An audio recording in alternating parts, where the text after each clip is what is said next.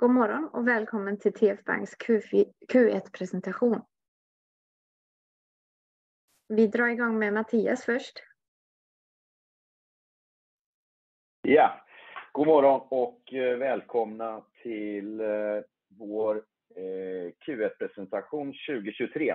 Vi drar igång och vänder till sidan 2.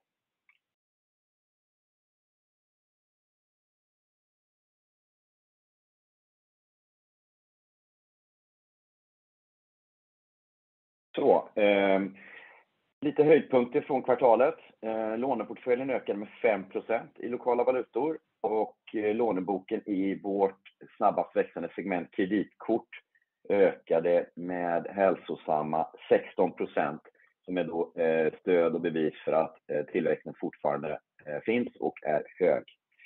Rörelseresultatet kom in på 118 miljoner, som är upp 14% från det motsvarande kvartalet 2022. Det drivs i huvudsak av ökningen av vinsten i eh, kreditkortssegmentet. 118 eh, miljoner är bolagets högsta kvartalsresultat någonsin. Eh, vi har också gett ut efterställda obligationer, så kallade T2-obligationer, om ett belopp om 150 miljoner under kvartalet. Vi vänder blad till sidan 3, går in på segmenten.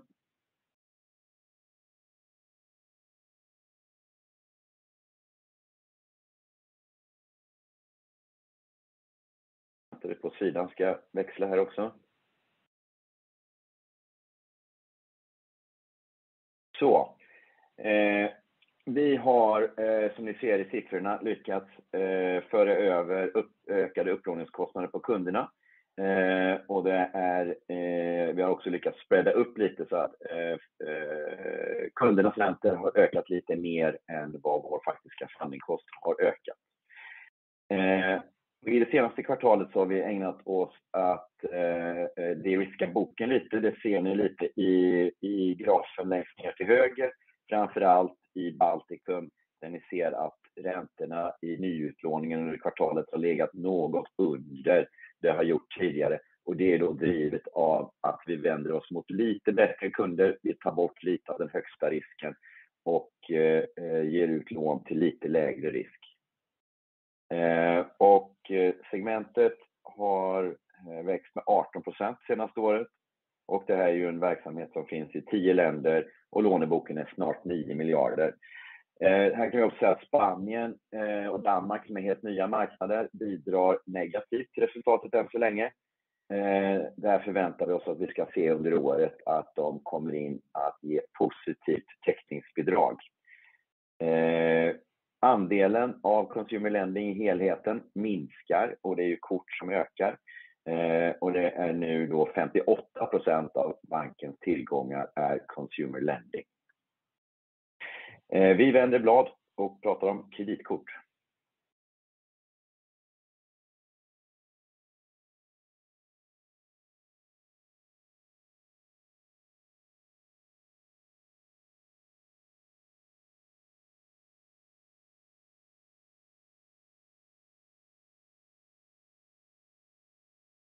Så, eh, Det var rekordvolymer under kvartalet. Eh, eh, det är drivet framför allt att vi har många mer nya kort. För Q1 är säsongsmässigt lite svagare i kreditkortsspending, men mars så såg vi starkt utnyttjande av korten. Tittar vi på aktiva kunder så är de uppe på 160 000 och låneboken är på snart 3.8 miljarder svenska och Det här drivs i huvudsak nästan i princip bara av tillväxt i Tyskland. Eh, vi ska också säga att vi har rekordvolym på ansökningssidan och rekordvolym på beviljade nya kort. Vi ligger på en ansökningsvolym på ungefär 60 000 kunder i månaden i Tyskland som ansöker om kreditkort. Marknadsföringen är som ni ser en stor eh, kostnadspost som är upp signifikant från eh, Q4. Vi ser stora möjligheter att växa snabbt och skaffa oss mycket nya kunder. Men Det kommer också påverka givetvis marknadsföringskostnader också i kommande kvartal, där vi förväntar oss att vi kommer ligga på en hög nivå, vilket också betyder att vi ligger på en hög nivå andel nya kort och de korten kommer så att säga producera intäkter långt in i framtiden. Det vill säga att om man tar bort den kostnaden idag, då är resultatet ungefär 18 miljoner eh, högre i kvartalet. Men vi har också byggt in en tillväxt i boken som finns i två år framåt. Så att eh, det är så man ska se på kreditkort. Vi investerar för framtida ännu högre tillväxt. Eh, vi börjar närma oss unit economics som vi ser nere till höger. Vi är inte riktigt där än, men vi är på god väg som Mikael kommer berätta lite mer om eh, senare. Och Som sagt, marknaden är väldigt gynnsam just nu för att skaffa nya kunder och det kommer vi prioritera här i överskådlig tid att eh, växa snabbt och eh, ladda boken med tillväxt. Vi vänder blad till sidan 5.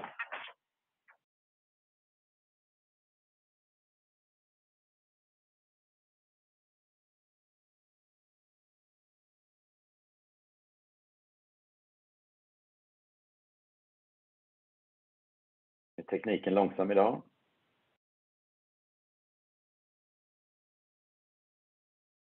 Så, E-commerce solutions.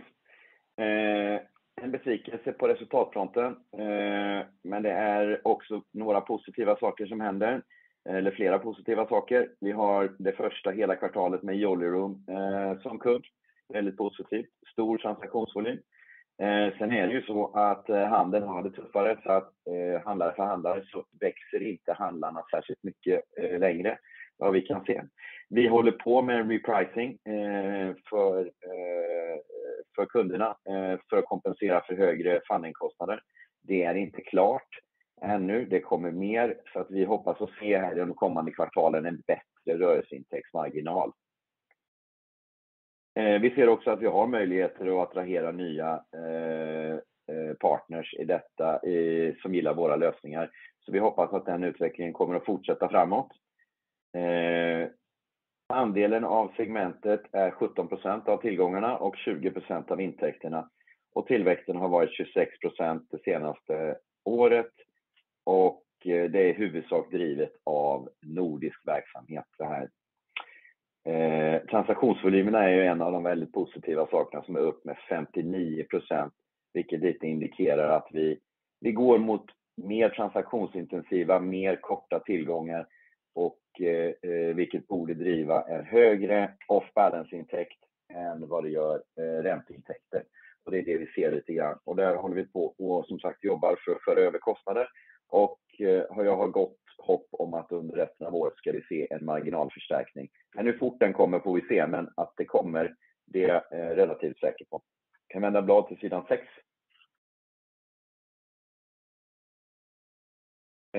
Tittar vi på Eh, lånebokstillväxten eh, för hela banken.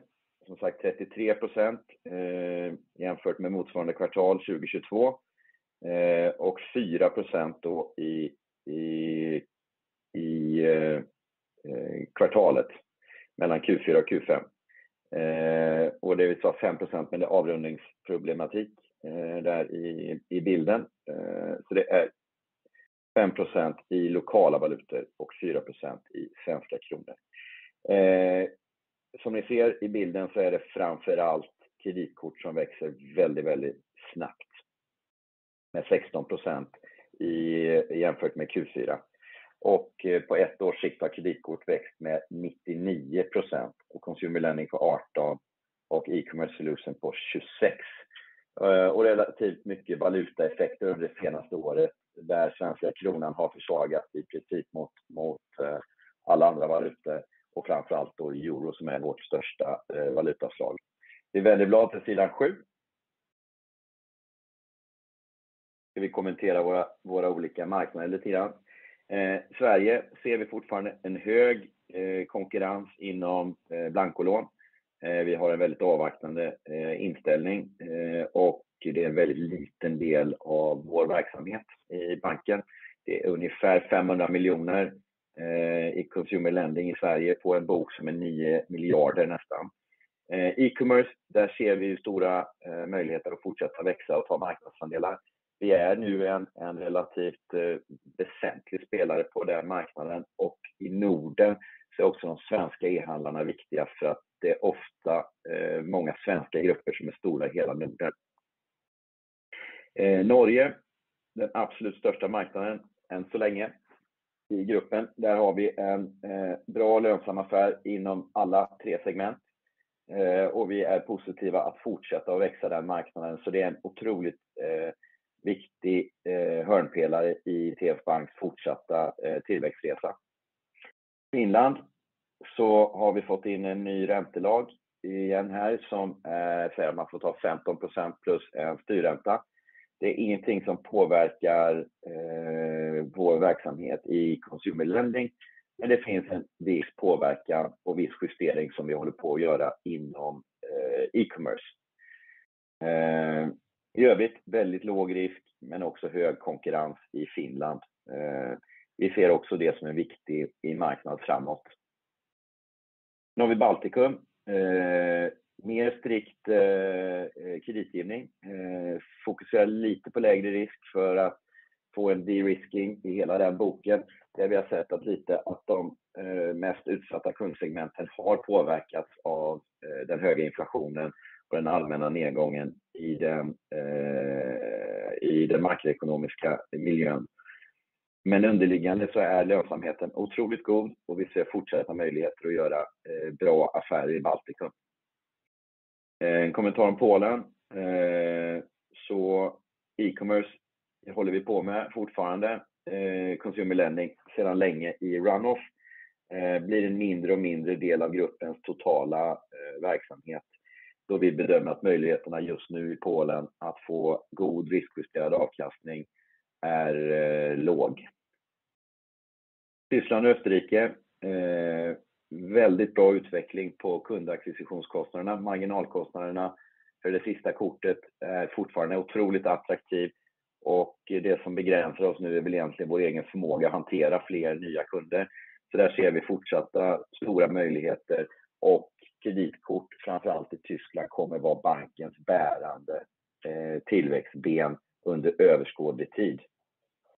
Eh, tittar vi då på våra nya marknader i Danmark och Spanien så är vi fortfarande väldigt försiktiga.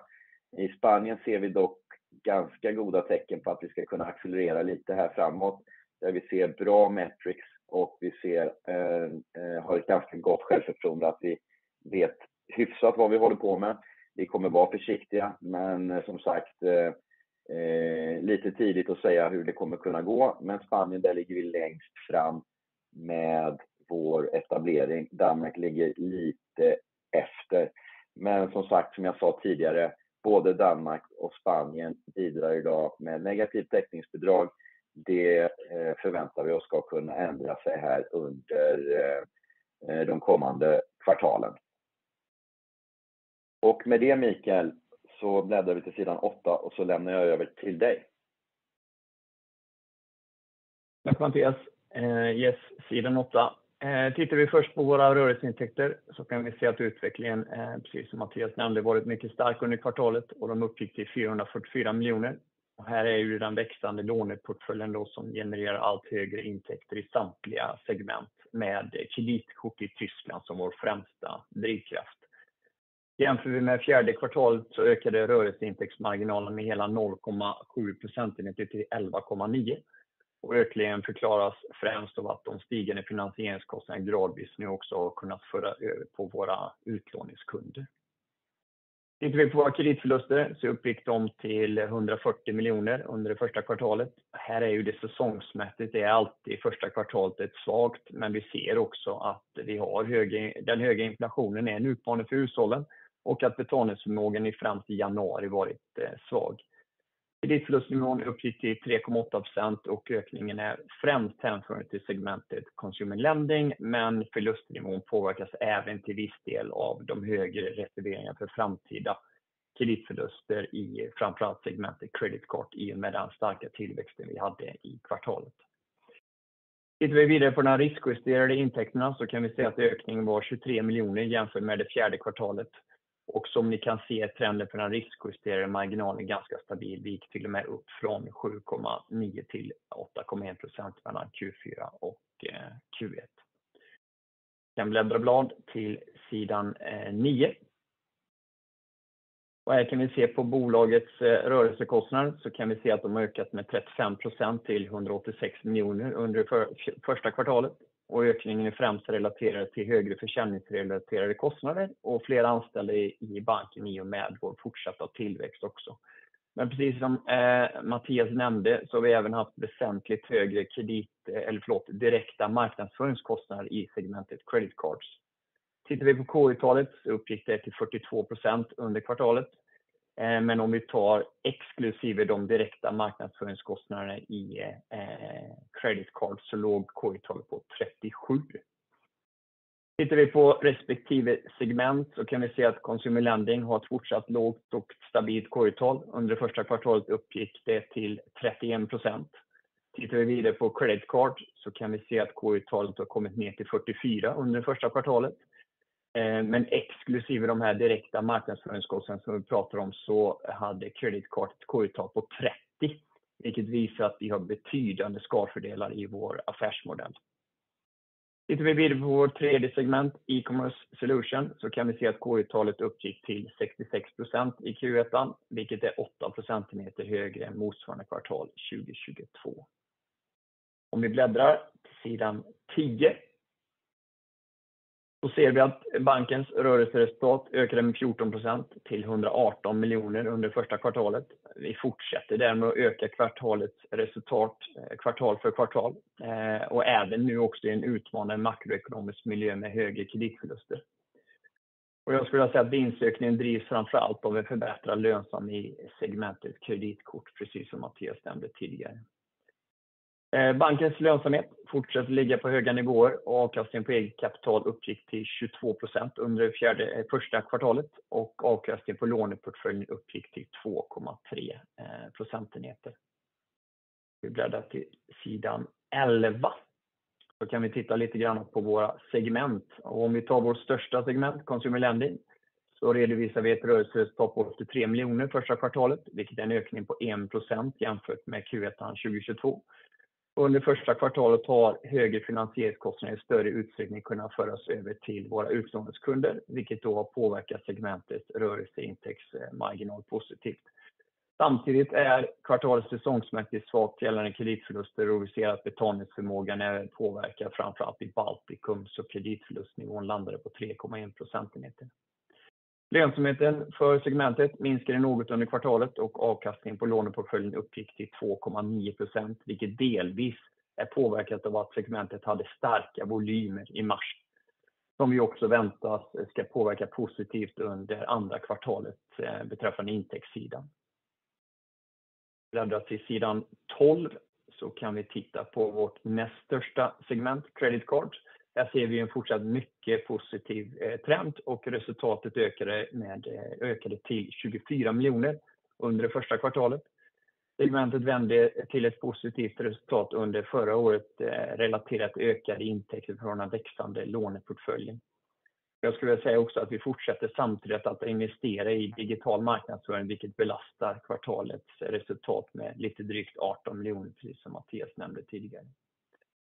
Trenden för segmentets lönsamhet är positivt och i och med att vi har den växande låneportföljen så genererar vi ökade intäkter och samtidigt ett e-, lägre K-uttag. Tittar vi på avkastning på den här låneportföljen så uppgår den till 2.1 procentenheter. Jämför vi det med samma period föregående år så var den på 0.5. Oerhört starkt momentum i Credit Cards. Vi bläddrar till sidan 13 och så tittar vi lite grann på vårt tredje segment, E-commerce Solution. Här uppgick rörelseresultatet till 11 miljoner eh, det första kvartalet och jämför vi det med motsvarande period 2022 så minskar resultatet med 39 procent, vilket främst är relaterat till eh, de högre finansieringskostnaderna och eh, investeringar för framtida tillväxt. Som jag nämnde i Q4 också, som Mattias har nämnt nu, så har vi initierat prishöjningar, men effekterna på segmentets intäkter kommer med en längre tidsförskjutning än vad de gör i våra övriga segment då. Om vi bläddrar till sidan 14. Då Tittar vi lite grann på bankens eh, finansiering och likviditet. Som vi alla känner till så har det ju varit lite skakigt i den globala banksektorn under några veckor i mars. Och då vill jag säga att det känns väldigt tryggt att TF Banks strategi alltid har varit att minimera kreditrisk och ränterisk istället för att kanske jaga avkastning på likviditetsportföljen. Och till en likviditetsreserv som uppgick till 17% av inlåningsbalansen vid ingången av kvartalet och merparten är placerad i statsskuldsväxlar med en genomsnittlig återstående löptid om cirka tre månader. Vår huvudsakliga finansieringskälla är ju då inlåning från hushåll och mer än 98 procent av den inlåningsbalansen täcks av den statliga insättningsgarantin. Ska vi titta lite grann på första kvartalet så har vi haft fortsatt inflöde i våra inlåningar i Tyskland, medan inlåningsbalansen i de övriga länderna har minskat något. Jag skulle också vilja nämna att under det första kvartalet ökade vi andelen fasträntekonton något och vid utgången av kvartalet så utgjorde fasträntekonton 39 procent av inlåningsbalansen. Om vi bläddrar till sidan 15 så kan vi till sist titta lite grann på våra kapitalrelationer. Så kan vi se att vid utgången av kvartalet uppgick kärnprimärkapitalrelationen till 12,3, primärkapitalrelationen till 13,9 och den totala kapitalrelationen till 16,7. Den totala kapitalrelationen påverkas ju positivt av att supplementärkapitalet om 150 miljoner emitterades under första kvartalet.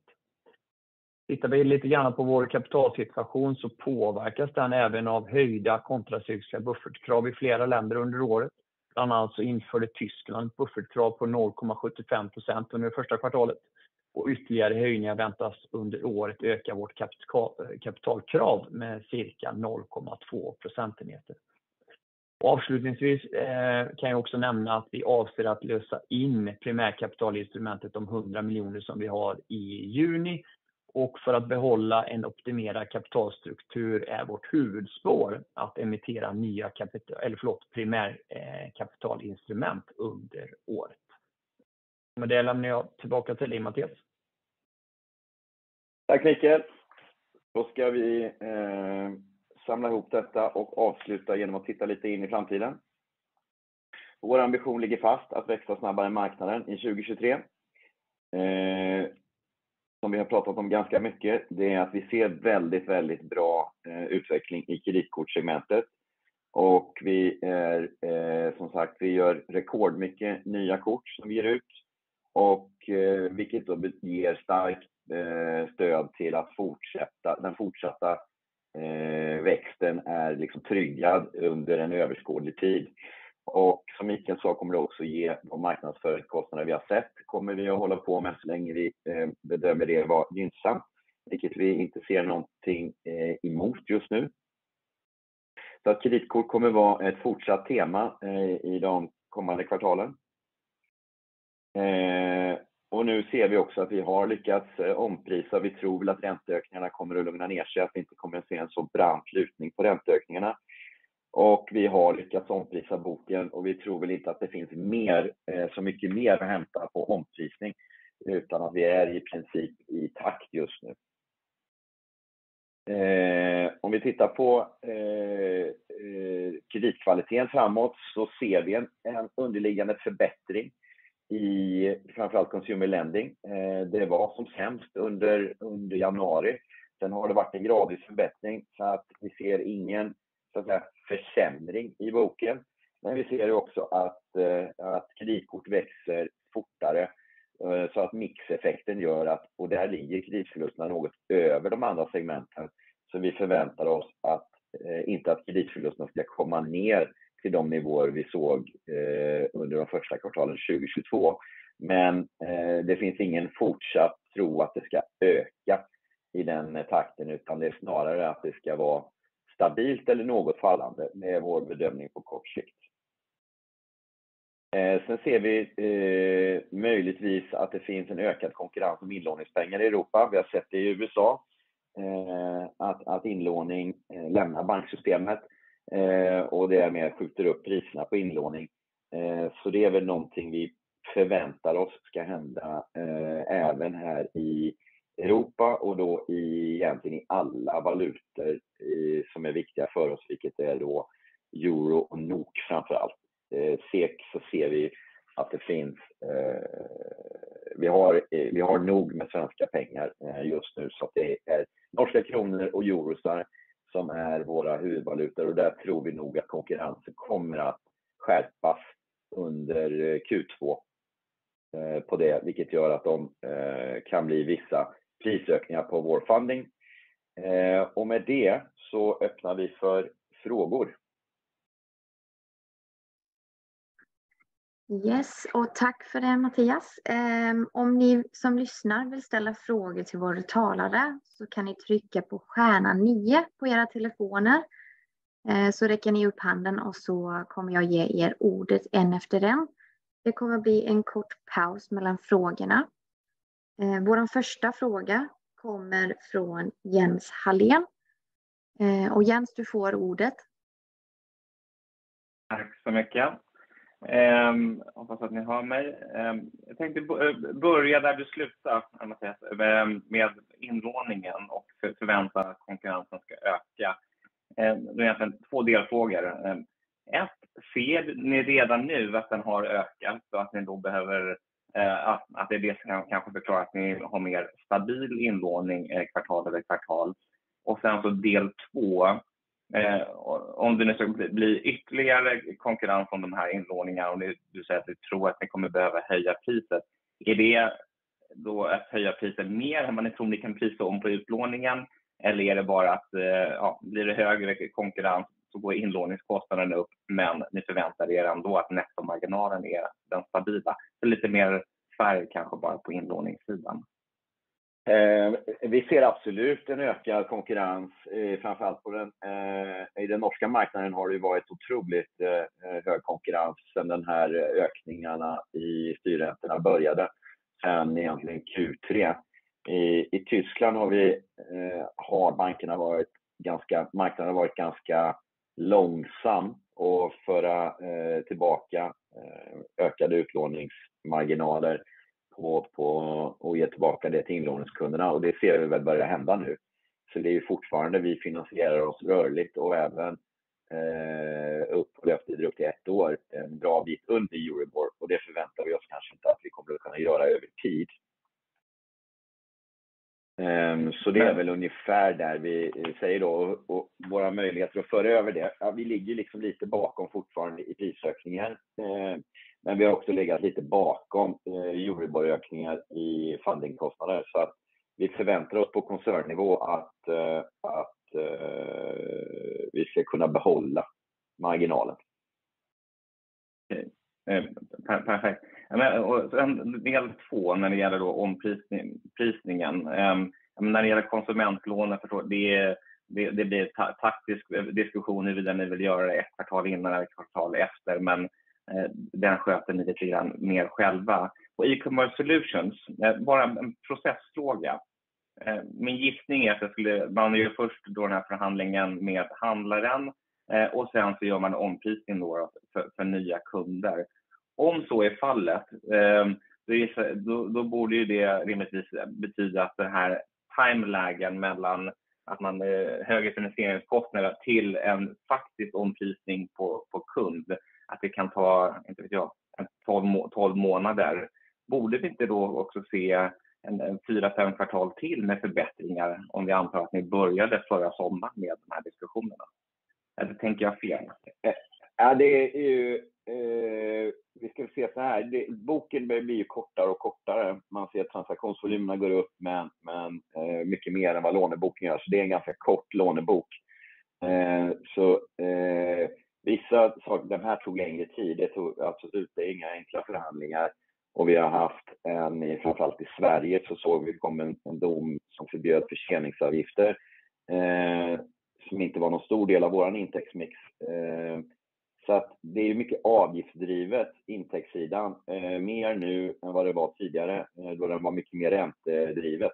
Räntesidan kan vi ju åtgärda ganska fort, men det är ju en mix här av intäkter eh, och vi blir mer och mer avgiftsdrivna. Eh, och Ändra en avgift kan du bara göra framåt, aldrig bakåt. Eh, så Det kommer in över kvartalen här nu. Och Jag skulle säga att vi ska se betydande intäktsförbättringar under kommande två kvartal. Utmärkt. Om jag lägger lite eh, ord och kunder på det. Så det, det, det verkar vara få saker ändå som, som tyder på att marginalen ska ner under Q2 och Q3.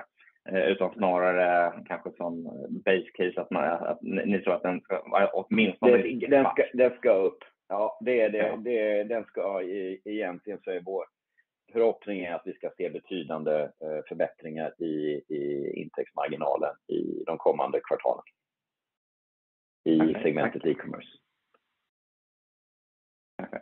Sista frågan på, um, eh, på, på kreditförluster. Um, om vi kan gå ner lite grann på djupet här. Jag tror vi alla förstår att de, de har gått upp. Uh, kreditkort uh, gissar vi hänför mest till IFRS 9, men på konsumentlånesidan, kan vi säga något, lite mer om, om det är några specifika marknader?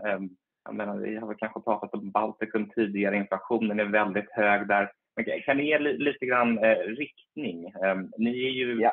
kanske den som påverkas snabbast i marknaden eh, med, med tanke på de lån ni gör. Jag skulle vilja säga att i, i, på något sätt så, så har, det, vi kan se det här över hela linjen. Eh, att det finns en försvagning i, i betalningsförmågan. Eh, framförallt då i consumer lending. Eh, det, det, gör det. Eh, Baltikum har varit eh, värre utsatt och eh, ehm, denna gången finns det som inga stödprogram och det har både varit hö höga elpriser och, eh, eh och, och så. Eh, sen är det lite grann då de som har varit värst utsatta är de kunderna med lägst marginaler eh, denna gången. Eh, och det är ju det jag, vi håller på med, lite de-risking. Eh, och det vill säga vi tar bort de högsta risksegmenten och vi eh, riktar oss till bättre eh, risksegment.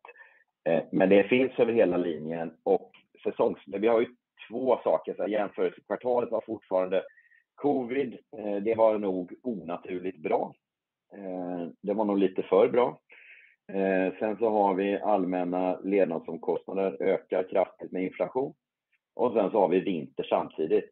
Eh, det vi ser in, vi ser ju ganska bra in i Q2 nu, så är ju liksom eh, early delinquency pekar på förbättring eh, överallt. Vi har, samtidigt har vi lyckats förbättra kreditkvaliteten den underliggande på kreditkortssidan. Så där ser det väldigt positivt ut. Um, så att det är liksom lite mixat, men tittar vi de mogna portföljerna så är det en försvagning eh, och framförallt synlig över, eh, i, i, januari. Sen har det varit en gradvis förbättring, men som mix så ska man nog se att vi kan ligga stabilt på koncernnivå eller något ner, är väl min sån här förhoppning. Okej. Okay. Eh, sen eh, en, ett antagande, en gissning bara för att få eh, er, er syn på det eh, med tanke på att ni har kort duration på era utlåning, ni har något mindre lån generellt. Ehm, jag skulle gissa att ni, ni borde vara kanske en av de som först ser det i portföljen, men kanske också då samtidigt en av de som kommer först ut i portföljen, för ni hinner ändra om mixen. Ehm, vad säger du om ett sådant antagande? Det är ett helt riktigt antagande. För en kort lånebok gör ju, eh, den dynamiken gör ju att vi kan ställa om väldigt snabbt.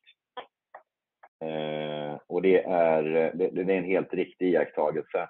Du kan styra risken på ett helt annat sätt när du har en kort lånebok. Du ser det tidigare, men du kommer också fortare kan du bygga om det du har. Ja, men, perfekt. Ehm, det var alla, alla mina frågor idag. Eh, jag tackar så mycket. Tack Jens. Ja, tack så mycket Jens. Eh, då ska vi se, då blir nästa fråga eh, från Patrik Bertelius. Eh, så du får ordet här.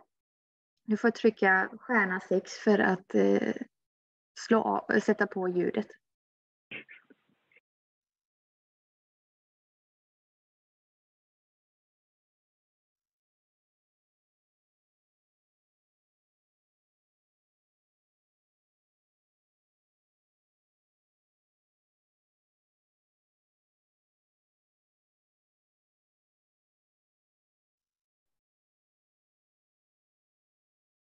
Patrik, det var stjärna 6 för att sätta på ljudet.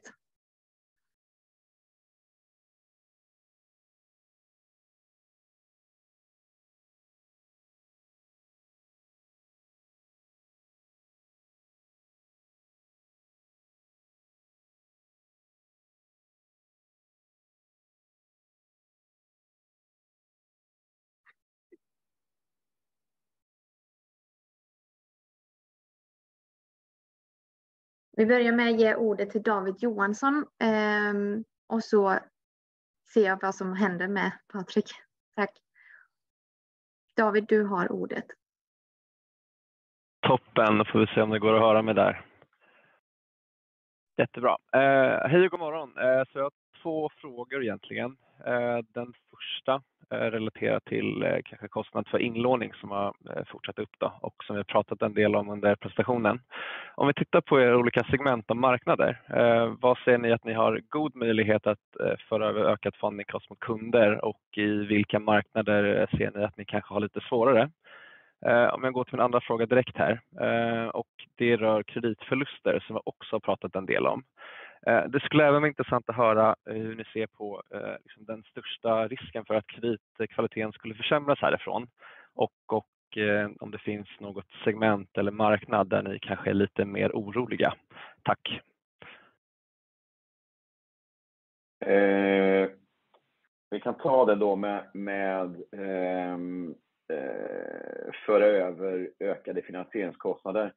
Eh, så är det i de flesta länder avtalsstyrt och bygger på någon form av styrränta med någon form av tidsfördröjning.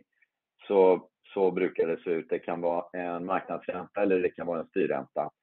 Eh, Norge tar åtta veckor, eh, Tyskland tar ett kvartal. Eh, så det, det är styrt liksom hur du kan eh, agera med räntan. Sverige är ju eh, det friaste av, av alla länder eh, tillsammans med egentligen Norge utan tidsfördröjning och Sverige kan ju göra ganska snabbt.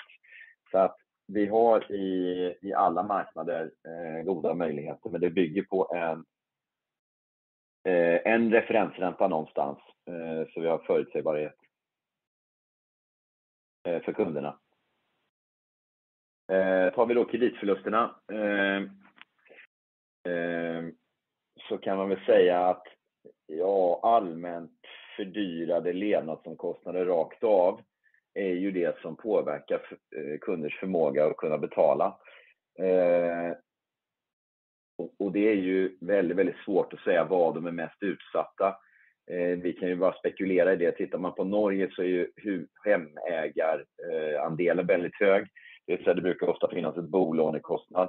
Tittar vi i Tyskland så är ju, är ju den exponeringen mot liksom räntekostnader väldigt låg.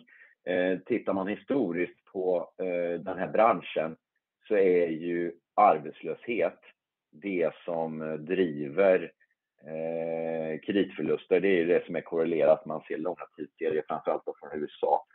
Ehm, och så jag skulle säga att det är en arbetslöshetsfråga i grunden eh, om, om betalningsförmågan kommer försvagas väsentligt. Men toppen. Eh, det var allt från mig. Tack så mycket.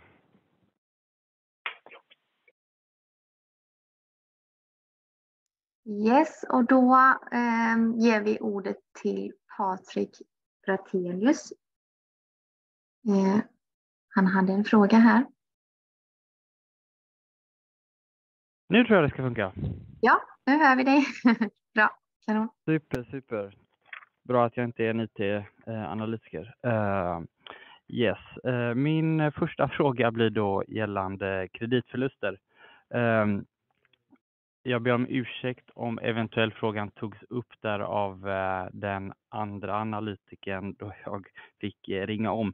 Men om, vi, om vi kanske kan vrida på det på ett annat sätt och försöka zooma in under Q1 i och med att vi ser att Eh, Q1 är upp jämfört med Q4 som också hade en högre nivå jämfört med vad vi sett historiskt. Ser ni att det ökar successivt under, eh, under de här månaderna eller att det har varit relativt stabilt under hela första kvartalet? Eller hur ser trenden ut om ni bryter ner det månadsvis? Hej Patrik! Eh, ja, men jag skulle vilja säga att januari var ju en, en mycket dålig månad, för, framförallt för consumer eh, lending-sidan. Sen har den stabiliserat sig eh, och blivit bättre både i februari och mars och det vi ser framåt är det något eh, förbättrad kreditkvalitet också. Men januari var över hela linjen på consumer lending ganska svagt, framförallt i Baltikum. Yes, och eh, är det något eh, land som ni eh, lägger extra mycket fokus där datapunkterna eventuellt kan spreta om vi exkluderar liksom Baltikum i och med att det är ett område som ofta kommer upp. Är det någonting som eventuellt gör att ni kan vara lite mer sömnlösa? Lite som vi sa tidigare när jag sparade Jens då, så kan ju, vi har en sån kort lånebok så att det vi gör, det kommer synas ganska snabbt och vi gör, vi har gjort restrictions eh, över hela linjen eh, tidigare faktiskt också innan januari så att eh, det kommer säkert att synas eh, här framåt också.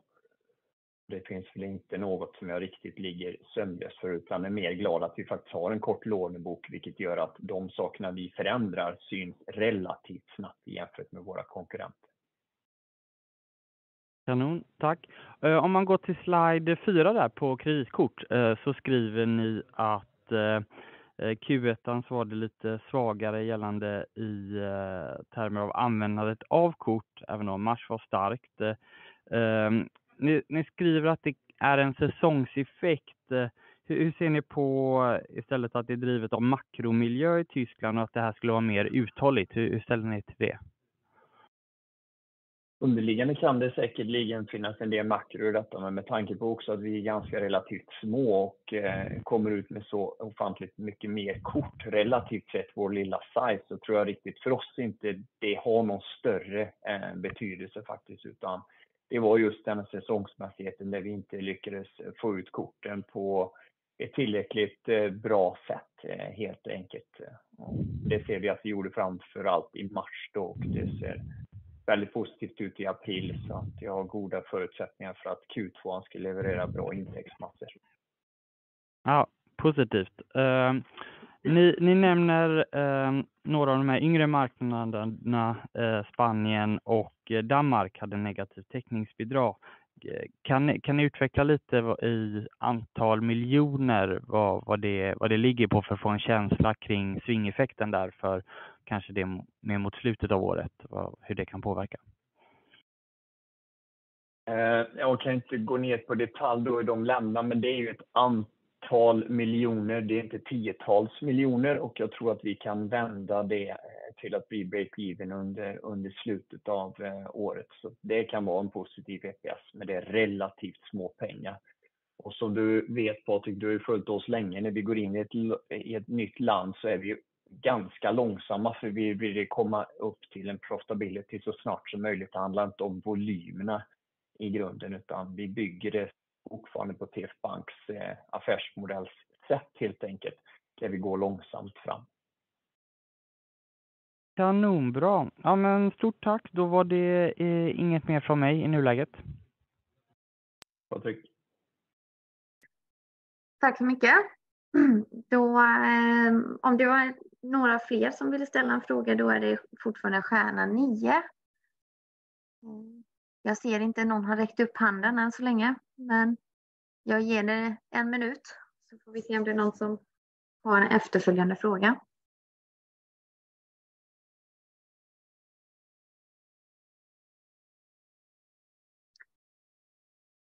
Det verkar inte finnas fler frågor så jag lämnar ordet tillbaka till våra talare.